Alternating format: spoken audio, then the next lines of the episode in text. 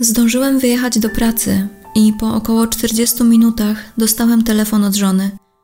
Krzyknąłem tylko, że jadę do domu i wybiegłem. Nie patrzyłem, czy czerwone światło, czy nie. Wspomina tragiczny dzień Mateusz. Kim był Mateusz i o jakim tragicznym dniu mowa, dowiecie się z dzisiejszego odcinka. Na pewno zauważyliście, że ten odcinek trochę różni się od poprzednich odcinków, które publikowałam. Nie widać żadnego zdjęcia na miniaturce, ani mordercy, ani ofiary. Tytuł również nie jest przypadkowy. Zbrodnia anonimowa. O jednym z powodów zaraz Wam powiem, dlaczego akurat taki, a nie inny tytuł, a o drugim chciałabym wspomnieć na samym końcu odcinka. Dzisiejszą sprawę opracowałam praktycznie w całości, bazując na kilkudziesięciu stronach akt sądowych, które w tym przypadku akurat ograniczały się do wyroków sądowych, do uzasadnień wyroków sądu rejonowego i sądu okręgowego w tejże sprawie. I w wyrokach tych były zanonimizowane dane osób związanych ze sprawą, i tak samo chciałabym utrzymać to w moim odcinku. Tak więc wszelkiego rodzaju imiona, które pojawią się w dzisiejszej sprawie, są imionami zmyślonymi. Aczkolwiek jeśli bardzo się uprzecie, to będziecie w stanie dotrzeć do czterech artykułów prasowych, które można znaleźć w internecie i które dotyczą tej sprawy. Tam też będziecie mogli zobaczyć kilka zdjęć. Natomiast biorąc pod uwagę, że bazowałam na takich, a nie innych źródłach, nie chciałabym tutaj Wam tego zadania upraszczać i nie chciałabym publikować żadnych wizerunków. W dzisiejszej historii przeniesiemy się do Bydgoszczy, do bydgoskiego Fordonu. W odcinku 13 Pierwiastek Zła również opowiadałam Wam historię z tej okolicy, natomiast tamte wydarzenia miały miejsce w latach 90., a dziś cofniemy się niewiele wstecz, bo do roku 2013. Ale żeby zrozumieć, dlaczego doszło do tragedii, zaczniemy trochę wcześniej. Jolanta i Piotr pobierają się w 1986 roku. Podejmują decyzję, by zamieszkać w Bydgoszczy, mimo iż Jolanta pochodziła z Iławy i zamieszkują przy jednej z głównych dróg dzielnicy Fordonu. Małżeństwo niestety nie należy do szczęśliwych. Piotr ma w zwyczaju nadużywać alkoholu, a po jego spożyciu staje się dosyć agresywny, krzyczy na innych, ubliża im, obraża, a po wszystkim idzie spać, jak gdyby nigdy nic się nie stało.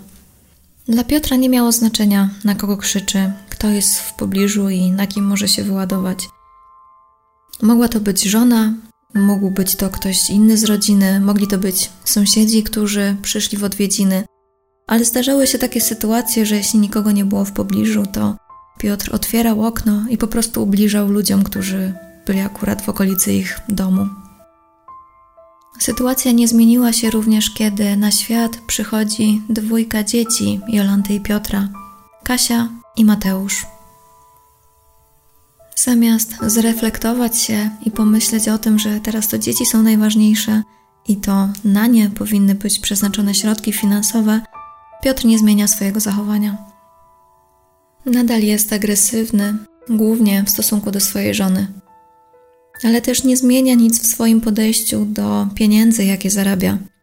A pracuje wtedy w firmie brukarskiej i często wyjeżdża w delegację, czasami nawet na tydzień. I wracając do domu, i przywożąc wtedy ze sobą wypłatę, zawsze określał się Wielkim Piotrem. Wielkim dlatego, że przecież przyjeżdżał pan do domu z portfelem pełnym pieniędzy, więc wszyscy powinni mu się kłaniać. I zamiast przeznaczyć tę wypłatę na dzieci, na żonę, na utrzymanie domu, to Piotr prawie wszystko przepija.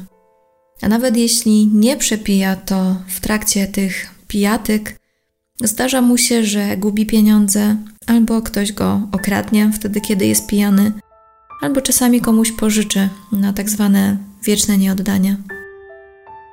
W każdym razie skutek jest ten sam. W domu nigdy nie ma pieniędzy. Piotr nie poczuwa się do obowiązku utrzymania rodziny i całe utrzymanie domu jest na barkach Jolanty. Zresztą Piotr niejednokrotnie zarzuca jej, że przecież skoro pracuje, to chyba powinna mieć pieniądze na zapłacenie rachunków. Jak to jest możliwe, że Jolanta pracuje, a nie ma wystarczająco pieniędzy, żeby utrzymać dom? I niestety to będą praktycznie jedyne wspomnienia z domu, jakie będzie miała Kasia i Mateusz, czyli dzieci Jolanty i Piotra.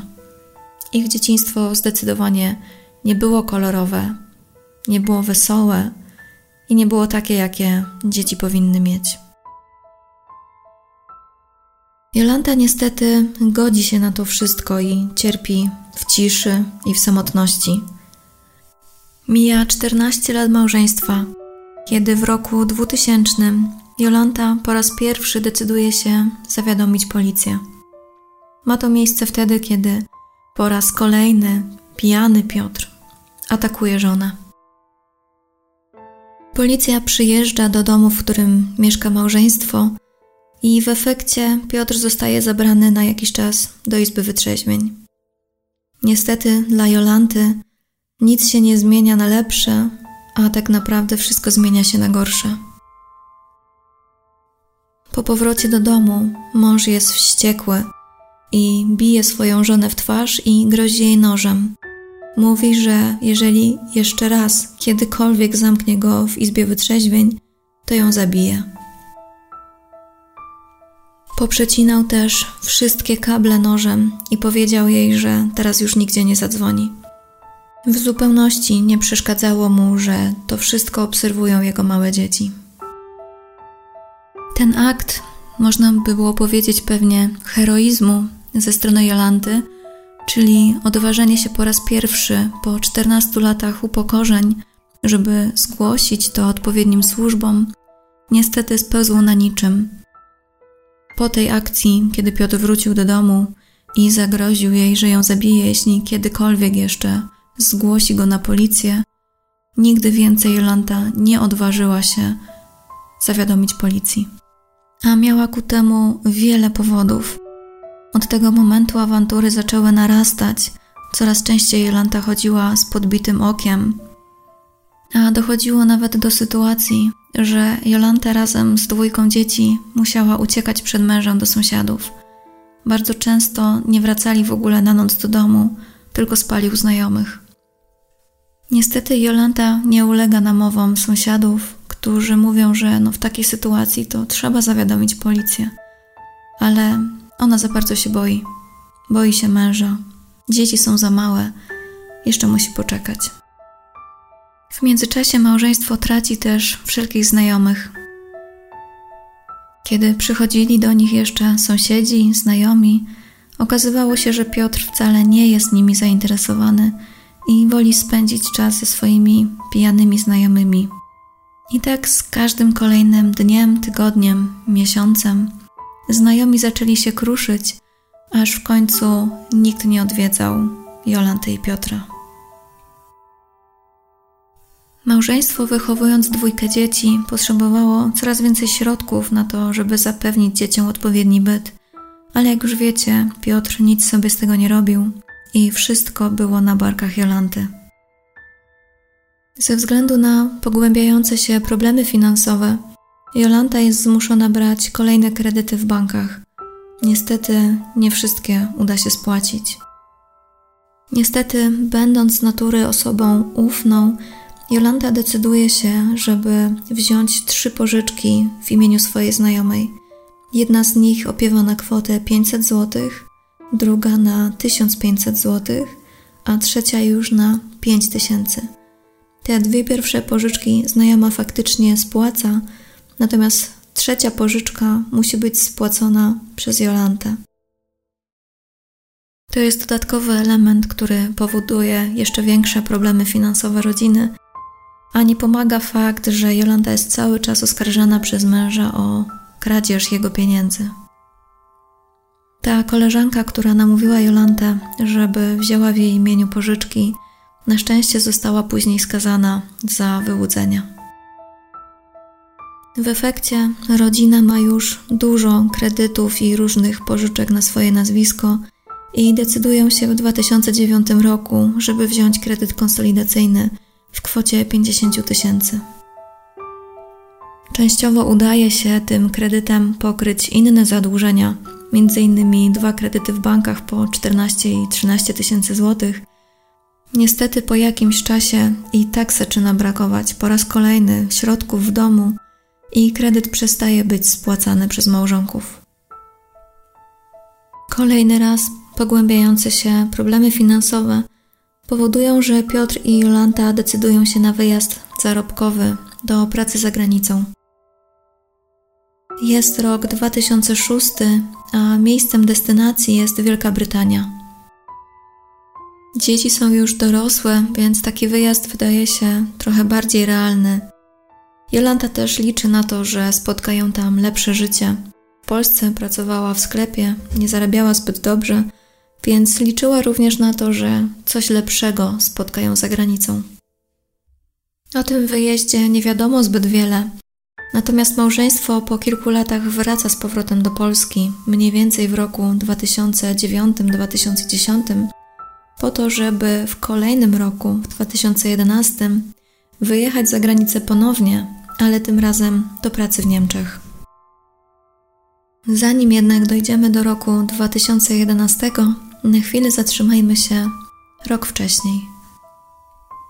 Małżeństwo po powrocie do Polski zatrzymuje się w domu swojego syna, u Mateusza, który mieszka tam ze swoją żoną Edytą i dwiema małymi córkami na pierwszym piętrze.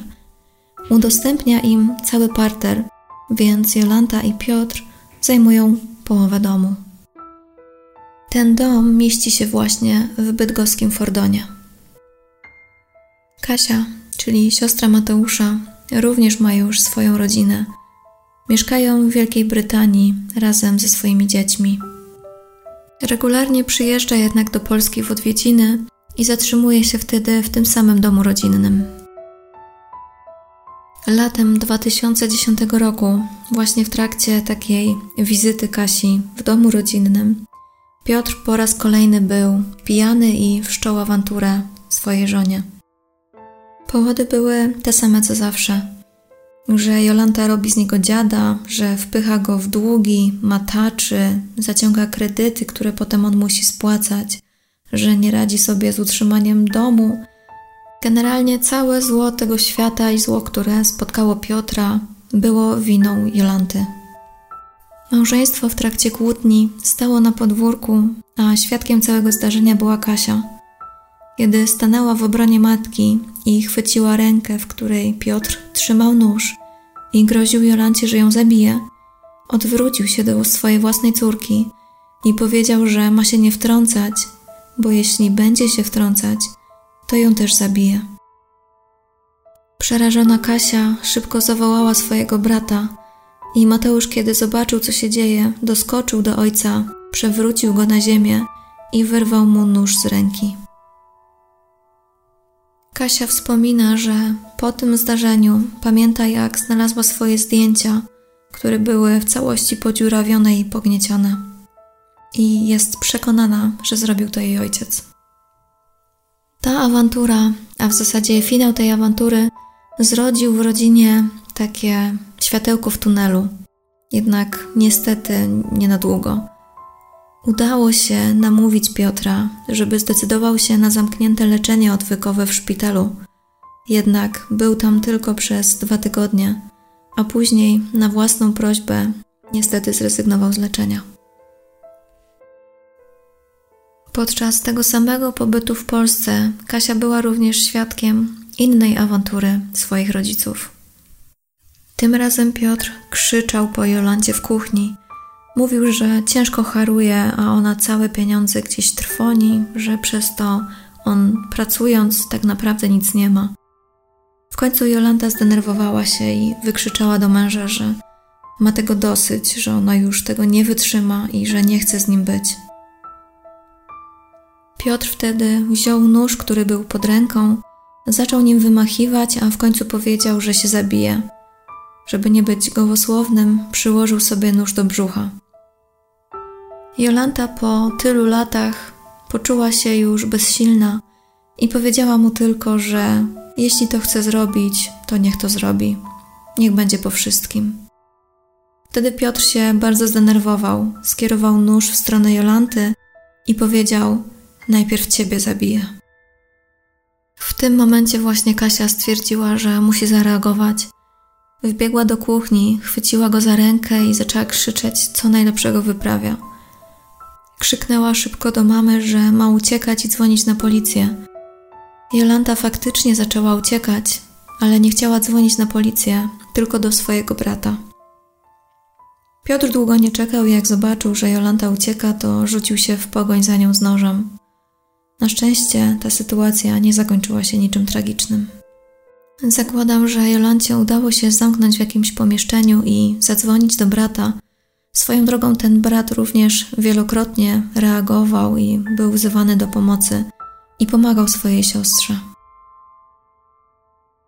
Cała ta sytuacja w kuchni miała miejsce mniej więcej dwa tygodnie, może tydzień po tym, jak na sofie w salonie, na sofie, na której spał Piotr, jego żona Jolanta znalazła nóż. Nóż był schowany pod poduszką. Nie był to niestety pierwszy raz, kiedy Piotr miał ukryty nóż pod poduszką. Dwa lata wcześniej, pod poduszką na jego łóżku, nóż znalazła Kasia. Nie minęło wiele czasu, bo już w kolejnym roku Piotr znowu przekroczył kolejne granice. Tym razem przystawił Jolancie nóż do gardła, porwał jej koszulkę i grożąc jej, zgwałcił ją. Kiedy było po wszystkim, powiedział jej, że nie ma co ryczeć, bo teraz jej nie zabije. Jolanta chwilę później zadzwoniła do swojego brata Marcina, który razem ze swoją żoną przyjechał do nich jak najszybciej i starał się załagodzić cały konflikt i przemówić do rozumu Piotrowi. Tutaj gwoli wyjaśnienia. Jolanta miała swojego brata, Marcina, a Piotr miał swoją siostrę. I pomiędzy tym dwojga, czyli Marcinem a siostrą Piotra, również był związek małżeński. Para namawiała Jolantę, żeby ta zadzwoniła na policję, ale ona stanowczo odmawiała. Nikt nie mógł zrozumieć, z czego wynika fakt, że przez tyle lat Jolanta nie chce pomocy policji. I właśnie w 2011 roku pękła i zaczęła się zwierzać. Przyznała się rodzinie, że 15 lat wcześniej zadzwoniła raz na policję, a wtedy Piotr został zabrany na izbę wytrzeźwień.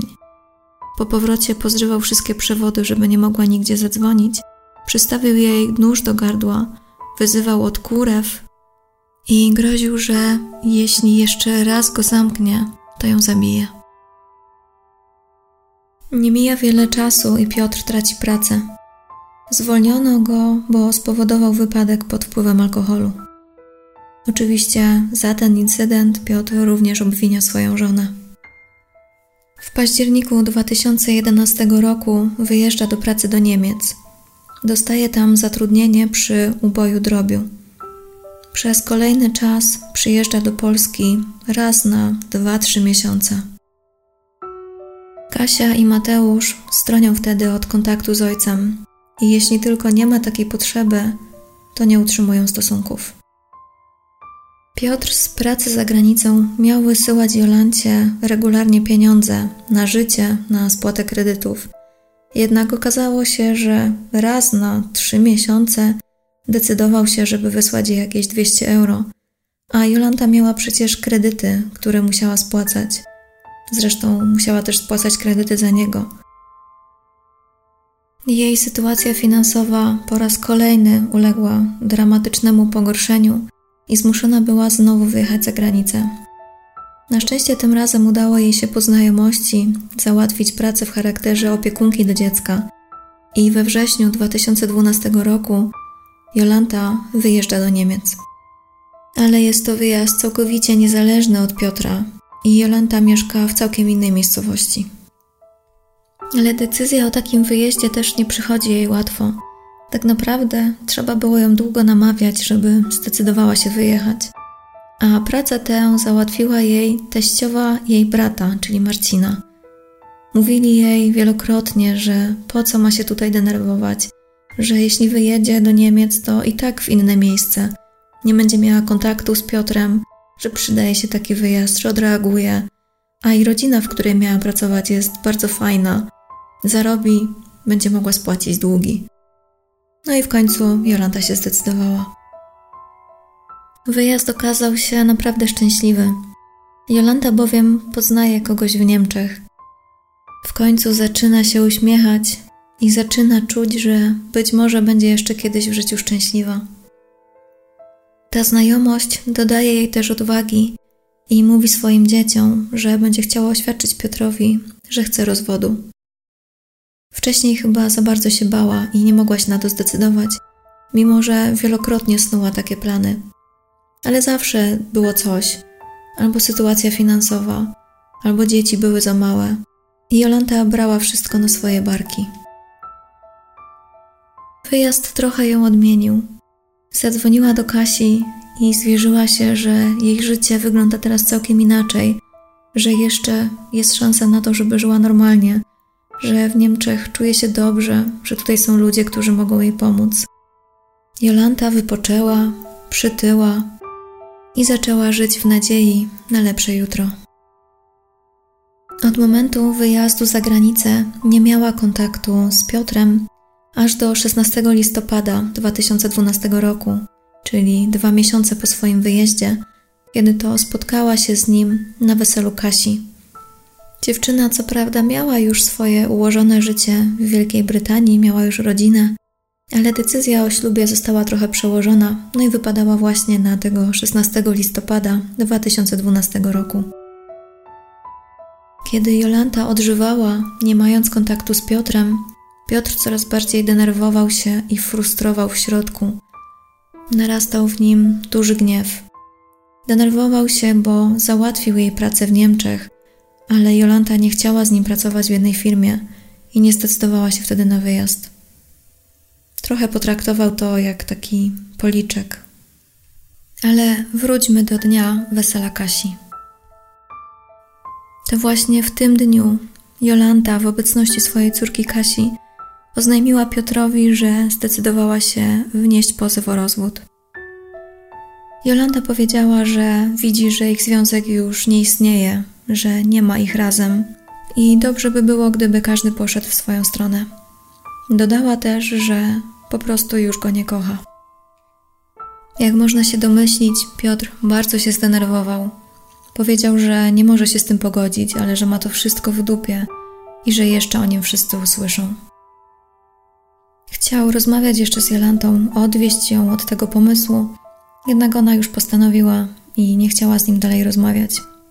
W końcu odważyła się podjąć decyzję, z którą zwlekała ponad 20 lat.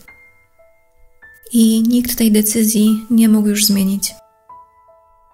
Postawiony przed faktem dokonanym, Piotr na tyle się zdenerwował, że zaczął pić alkohol, a był to moment, że od jakiegoś czasu był już trzeźwy. Stare nawyki wróciły i kiedy już był pijany, zaczął znowu grozić żonie, że ją zabije. Tym razem doszedł nowy powód, taki, że żona chce go zostawić.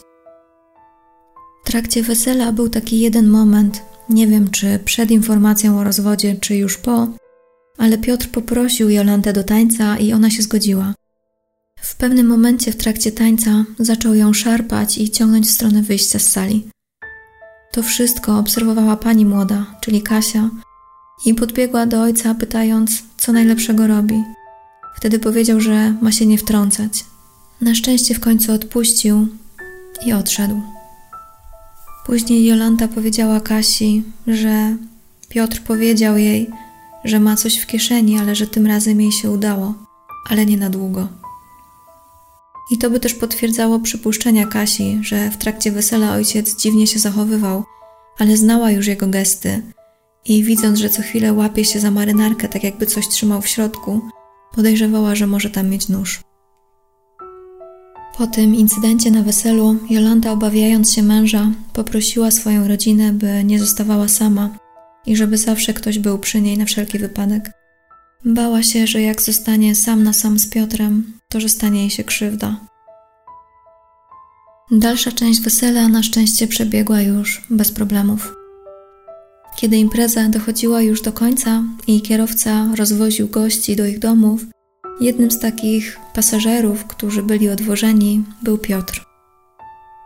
Chciał dostać się na dworzec PKS, żeby autobusem wrócić do domu, i wtedy, będąc nadal pod wpływem silnego upojenia alkoholowego, odgrażał się w obecności tego kierowcy, że absolutnie nie ma najmniejszych szans, że do tego rozwodu dojdzie, że prędzej zabije żonę. Kilka dni później innemu znajomemu mówił, że gdyby na weselu córki nie było świadków, to już wtedy udusiłby żonę przez to, że chce się z nim rozwieść. Powtarzał, że ją zlikwiduje. A potem po kolejnych kilku dniach, jak przechodziły mu nerwy i nie był pijany, potrafił na spokojnie to przemyśleć i mówił, że w sumie to sobie poradzi, poszuka sobie kogoś, a jak się rozwiodą, to on już będzie szczęśliwy. Jolanta nie zwlekała z wniesieniem pozwu o rozwód i już pięć dni po weselu, 21 listopada 2012 roku, do sądu w Bydgoszczy wpłynął pozew o rozwód bez orzekania o winie. W uzasadnieniu Jolanta pisała, że przyczyną jest nadużywanie alkoholu przez Piotra i liczne awantury, które wszczynał pod jego wpływem. Groźby ze strony męża nasilały się już do tego stopnia, że groził on, że ją zabije, nawet przy świadkach. Pisała również, że często była przez niego bita, ale nie decydowała się zgłosić tego na policję ze strachu przed mężem. W listopadzie i w grudniu Piotr cały czas bezustannie próbował skontaktować się z Jolantą, by móc odwieść ją od pomysłu rozwodu. Dzwonił do niej nieraz po kilkanaście razy dziennie, ale ona cały czas nie odbierała telefonów. Nie odpisywała również na SMSy. Przed świętami Bożego Narodzenia Jolanta jednak oddzwoniła do Piotra, ale dzwoniąc ustawiła w telefonie opcję nagrania treści rozmowy. Spodziewała się, że rozmowa nie będzie miała przyjemnego obrotu i że na pewno Piotr znowu będzie się jej odgrażał. I wcale się nie pomyliła. Rozmowa zaczęła się od tego, że Piotr chciał po prostu, żeby do niego wróciła, żeby wycofała się z rozwodu, a kiedy Jolanta nie chciała się na to zgodzić, zaczął jej grozić. Znowu padały argumenty, że go oszukała, okradła, że była niewierna, a dodatkowo zagroził, że jeśli do niego nie wróci, to zawiadomi Urząd Skarbowy o tym, że nie odprowadzała podatku z tytułu umowy najmu pomieszczeń gospodarczych. Kilka lat wcześniej faktycznie Jolanta wynajmowała znajomym taki garaż, pomieszczenie gospodarcze, taką komórkę, no i od tego nie płaciła podatku. Piotr zaczął już sięgać bardzo daleko pamięcią, no i wskazał żonie ultimatum, że jeśli do niego wróci, to wszystko będzie w porządku, a jeśli nie, to nie dość, że straci wszystko, to jeszcze zostanie skazana przez Urząd Skarbowy. Piotr udał się nawet do tych znajomych i poprosił, żeby podpisali mu dokumenty, że w owym czasie wynajmowali od nich to pomieszczenie gospodarcze. I w takiej oto atmosferze minęły święta Bożego Narodzenia 2012 roku. Kasia stwierdziła, że skoro są święta, to warto zadzwonić do swojego taty z życzeniami, ale niestety nie usłyszała nic przyjemnego. Ojciec miał do niej pretensje, że to ona jest wszystkiemu winna, że pomaga matce. W czasie tej rozmowy groził jej również, że ją zabije. To był drugi moment w życiu Kasi, kiedy usłyszała taką groźbę ze strony swojego ojca. Od tego momentu stwierdziła, że nie będzie już z nim utrzymywać żadnego kontaktu. Po rozmowie z Kasią Piotr stwierdził, że przyjdzie do Mateusza. Jak zwykle był pod wpływem alkoholu, zaciskał pięści i odgrażał się, że zabije Jolantę. Niestety nikt nie zareagował. Nikt nie przypuszczał, że coś takiego naprawdę może się wydarzyć. Mija nowy rok i w styczniu 2013 roku Jolanta decyduje się przyjechać do Polski do swojego brata Marcina, który w tym czasie był chory. Nie mówi jednak nikomu o swoich planach o tym, że przyjeżdża. Nie mówi Kasi ani Mateuszowi, gdyż boi się, że jakimiś kanałami dowie się o tym Piotr i że znowu będzie jej groził. W lutym do domu Mateusza i Edyty przychodzi korespondencja sądowa, której adresatem jest Piotr. Edyta ma od Piotra upoważnienie do odbierania jego korespondencji, więc otwiera przesyłkę, a w środku znajduje się wezwanie na rozprawę, która została wyznaczona na 3 kwietnia 2013 roku, czyli za dwa miesiące.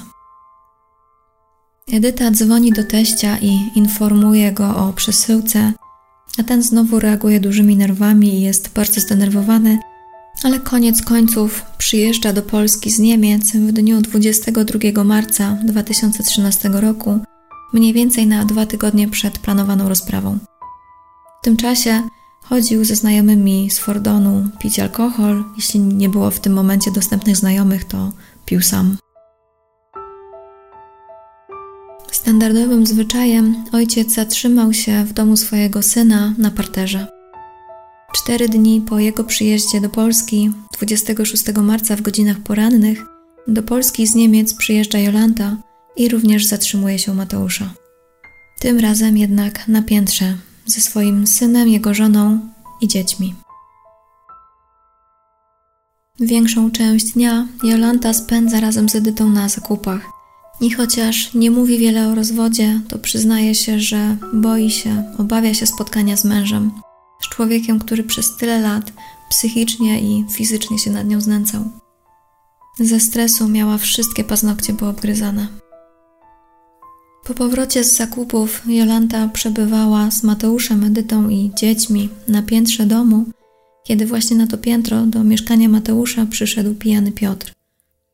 W obecności syna i synowej Miał do niej pretensje, że go oszukała, że chce się z nim rozwieść, ale wyrzucał jej też takie technikalia, jak kogo wzięła za świadka, że przecież, cytuję, ta szmata nic nie wie o ich małżeństwie, no i doszło do kolejnej kłótni. Jolanta wykrzyczała mu, że od dawna planowała rozwód, że czekała tylko na odpowiedni moment, aż dzieci dorosną. I przypomniała mu już tak na odczepnego, że to przecież on ją zdradził – Piotr na to stwierdzenie tylko się obruszył, że bez sensu, że ona przypomina mu rzeczy sprzed wielu lat, a potem odwrócił się i na szczęście wyszedł. Zszedł na parter, gdzie miał swoje łóżko, tam miał właśnie spać i w trakcie meczu, który oglądał, wypił dwa piwa i dwie tak zwane małpki. W tym samym czasie Jolanta musiała zejść na dół po piżamę, ale mijając męża nie było między nimi żadnej interakcji. Piotr w ogóle się do niej nie odezwał. Noc minęła spokojnie i rozpoczął się kolejny dzień. 27 marca 2013 roku. Dzień, w którym jedna z tych osób straci życie. Około godziny 7.40 rano Mateusz wyszedł do pracy. Nie widział się z ojcem, a w domu została wtedy jego żona Edyta, dwójka jego dzieci, Jolanta i Piotr. W czasie, kiedy Mateusz opuszczał dom, Jolanta z Edytą przygotowywała już śniadanie dla dzieci. Kobiety chciały jak najszybciej ogarnąć się, ubrać dzieci i jak najszybciej opuścić dom, żeby nie musieć wchodzić w żadne interakcje z Piotrem, a najlepiej, żeby w ogóle się z nim nie widzieć. Po przygotowaniu śniadania Jolanta wróciła na górę, na piętro, ubrała się i razem ze swoją dwuletnią wnuczką zeszła z powrotem na dół gdyż chciała poszukać swoich wiosennych butów. Edyta, wiedząc, że gdzieś na dole przebywa Piotr, stała u góry na schodach i nasłuchiwała, czy nic złego się nie dzieje.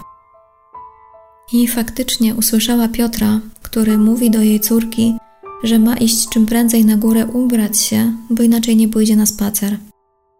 Dwuletnia dziewczynka, wiadomo, posłuchała swojego dziadka i szybciutko pobiegła na górę.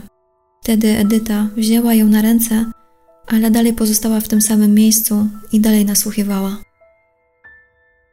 Piotr, podobnie jak reszta domowników, wstał około siódmej rano tego dnia, wypił na czczo półlitrowe piwo, śniadania nie zjadł, ale zdążył się wykąpać i ogolić. I kiedy czytał telegazetę, do pokoju weszła Jolanta, która potrzebowała dostać się do szafy, żeby poszukać wiosennych butów.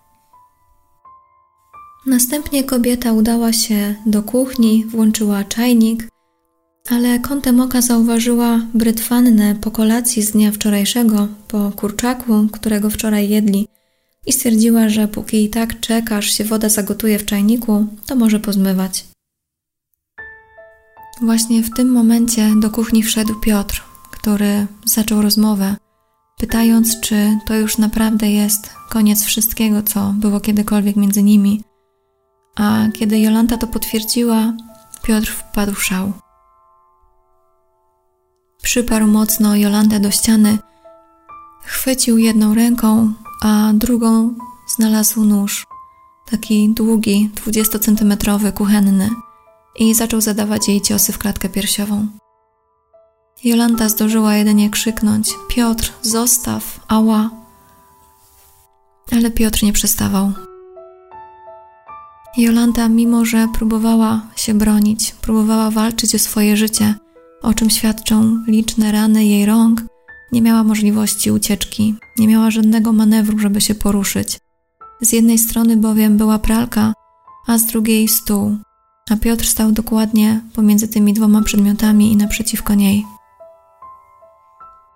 Krzyk Jolanty usłyszała Edyta, która cały czas stała na schodach i nasłuchiwała, i jak najszybciej zbiegła na dół, niosąc swoje dwuletnie dziecko na rękach.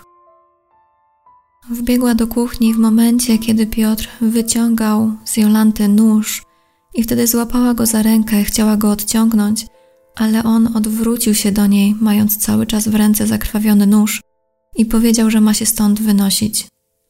Nawet się na nią tym nożem zamachnął, więc przerażona Edyta pobiegła szybko na górę i od razu zadzwoniła na policję. O godzinie 8.39 Edyta zadzwoniła też do Mateusza, mówiąc mu: Ona nie żyje, zabił ją, widziałam to. W czasie, kiedy kobieta razem ze swoimi dziećmi czekała na piętrze na przyjazd pogotowia i policji, Piotr, wychodząc z kuchni, rzucił nóż na podłogę Poszedł do łazienki, umył się, w końcu miał całe ręce w krwi, a następnie spokojnie ubrał kurtkę i wyszedł z domu. Udał się do jednego ze sklepów, kupił małpkę, którą wypił, potem kawałek się przeszedł, kupił kolejną małpkę, którą również wypił i tak sobie spokojnie spacerując został zatrzymany przez policję. Chwilę wcześniej funkcjonariusze byli w domu i Edyta opowiedziała im o tym, co się stało. Widziała, jak teść ugodził nożem kilka razy swoją żonę i że jej też groził, ale na szczęście udało jej się schronić. Podobno była niesamowicie roztrzęsiona całą tą sytuacją. Piotr zostaje przewieziony na komendę, a następnie przesłuchany. Od razu przyznał się do zarzucanego mu czynu, czyli do zabójstwa swojej żony. Wyjaśnił, że nie wie do końca, co się stało, że był w szoku i dokładnie nawet nie pamięta całej sytuacji, ale że żałuje tego, co zrobił, bo wie, że go poniosło. Przyznał, że faktycznie był zły na żonę za to, że chciała się z nim rozwieść, ale jest dla niego kompletnie niezrozumiałe, dlaczego chciałaby to zrobić, bo przecież między nimi wszystko się układało. Wiadomo, kłócili się, ale tak jak każde inne małżeństwo, niczym się to nie wyróżniało. Wcale nie wyzywał żony po pijanemu, nie groził i broń Boże nigdy jej nie uderzył. Generalnie jego zdaniem Jolanta nie miała żadnych podstaw, żeby się go obawiać. Co więcej, to właśnie ona doprowadziła do tego, że jeśli już coś było między nimi nie tak, to z jej winy. Bo czy wypił jedno piwo, czy kilkanaście, żona zawsze mówiła, że jest pijany, a on wcale alkoholu nie nadużywał, że przecież to ona wyczyściła mu karty kredytowe, że to ona spłacała długi swoich koleżanek, którym zaciągnęła kredyty, że go okradała, że ginęły mu pieniądze za wynajem tych pomieszczeń gospodarczych, a kiedy oznajmiła mu, że chce się z nim rozwieść, to zrobiła to z szyderczym uśmiechem i tak naprawdę cały czas go wyśmiewała. Dodatkowo powiedział, że nie czuł, żeby miał wsparcie w dzieciach, że przecież dzieci stanęły po stronie matki. Jak widzicie, wersja Piotra nijak się ma do całej tej historii, którą Wam przedstawiłam z punktu widzenia Kasi, Mateusza, ich rodziny i innych świadków. Czasie śledztwa Piotr był badany przez trzech lekarzy, którzy zaopiniowali, że nie rozpoznali żadnej choroby psychicznej w sensie psychozy ani jakiegoś upośledzenia i że w chwili popełnienia morderstwa był w pełni świadomy. Zaobserwowano natomiast, że miał nieprawidłowo uwarunkowaną osobowość, która wynikała innymi z tego, że wychował się w rodzinie z problemem alkoholowym. I to spowodowało, że był nastawiony na zaspokajanie doraźnych potrzeb, miał obniżoną uczuciowość wyższą i przedmiotowo traktował inne osoby, a także charakteryzował się niewielkim poczuciem winy i obniżonym krytycyzmem. W śledztwie opiniował też zakład medycyny sądowej, który ustalał przyczynę zgonu.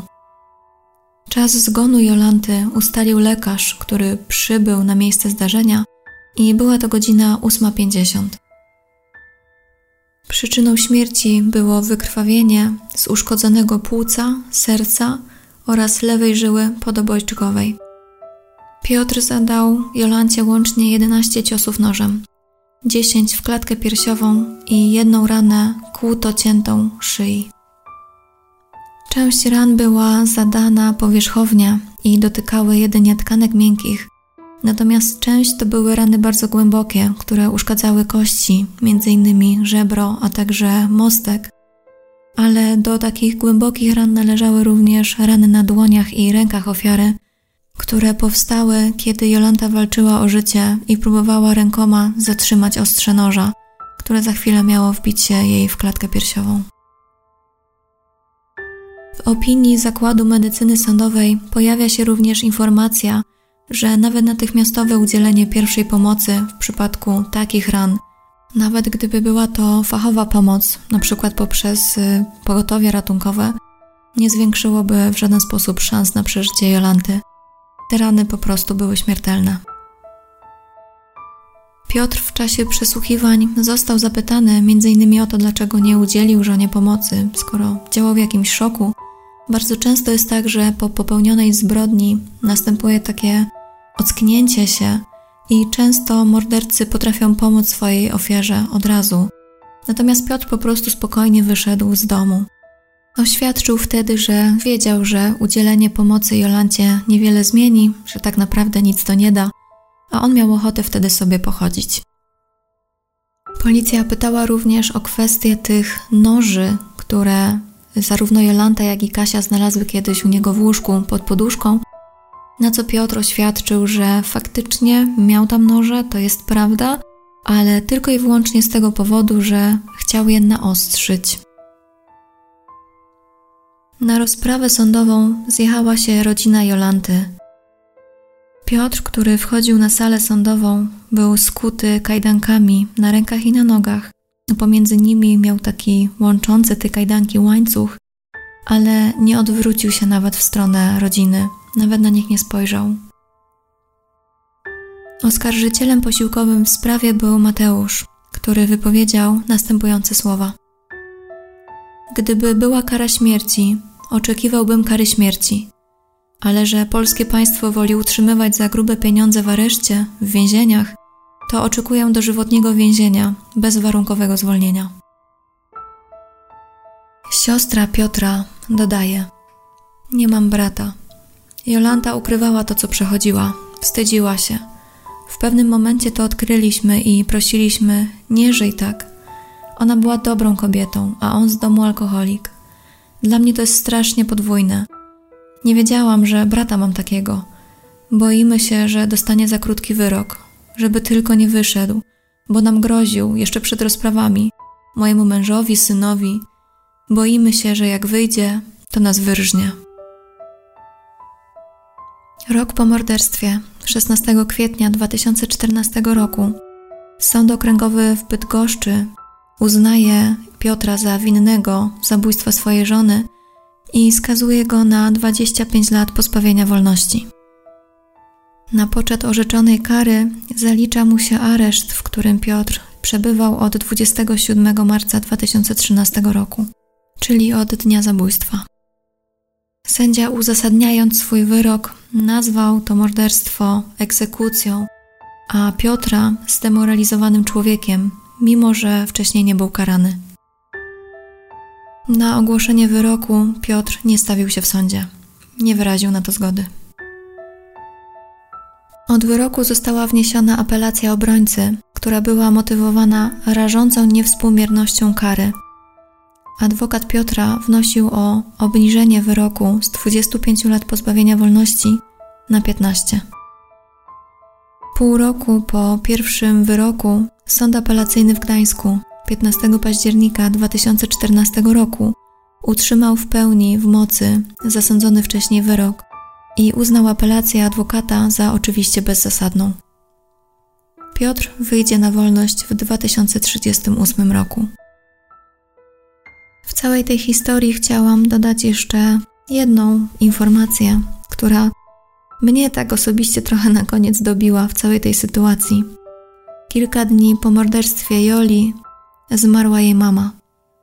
Mogę się tylko domyślać, ale wydaje mi się, że po prostu pękło jej matczyne serce.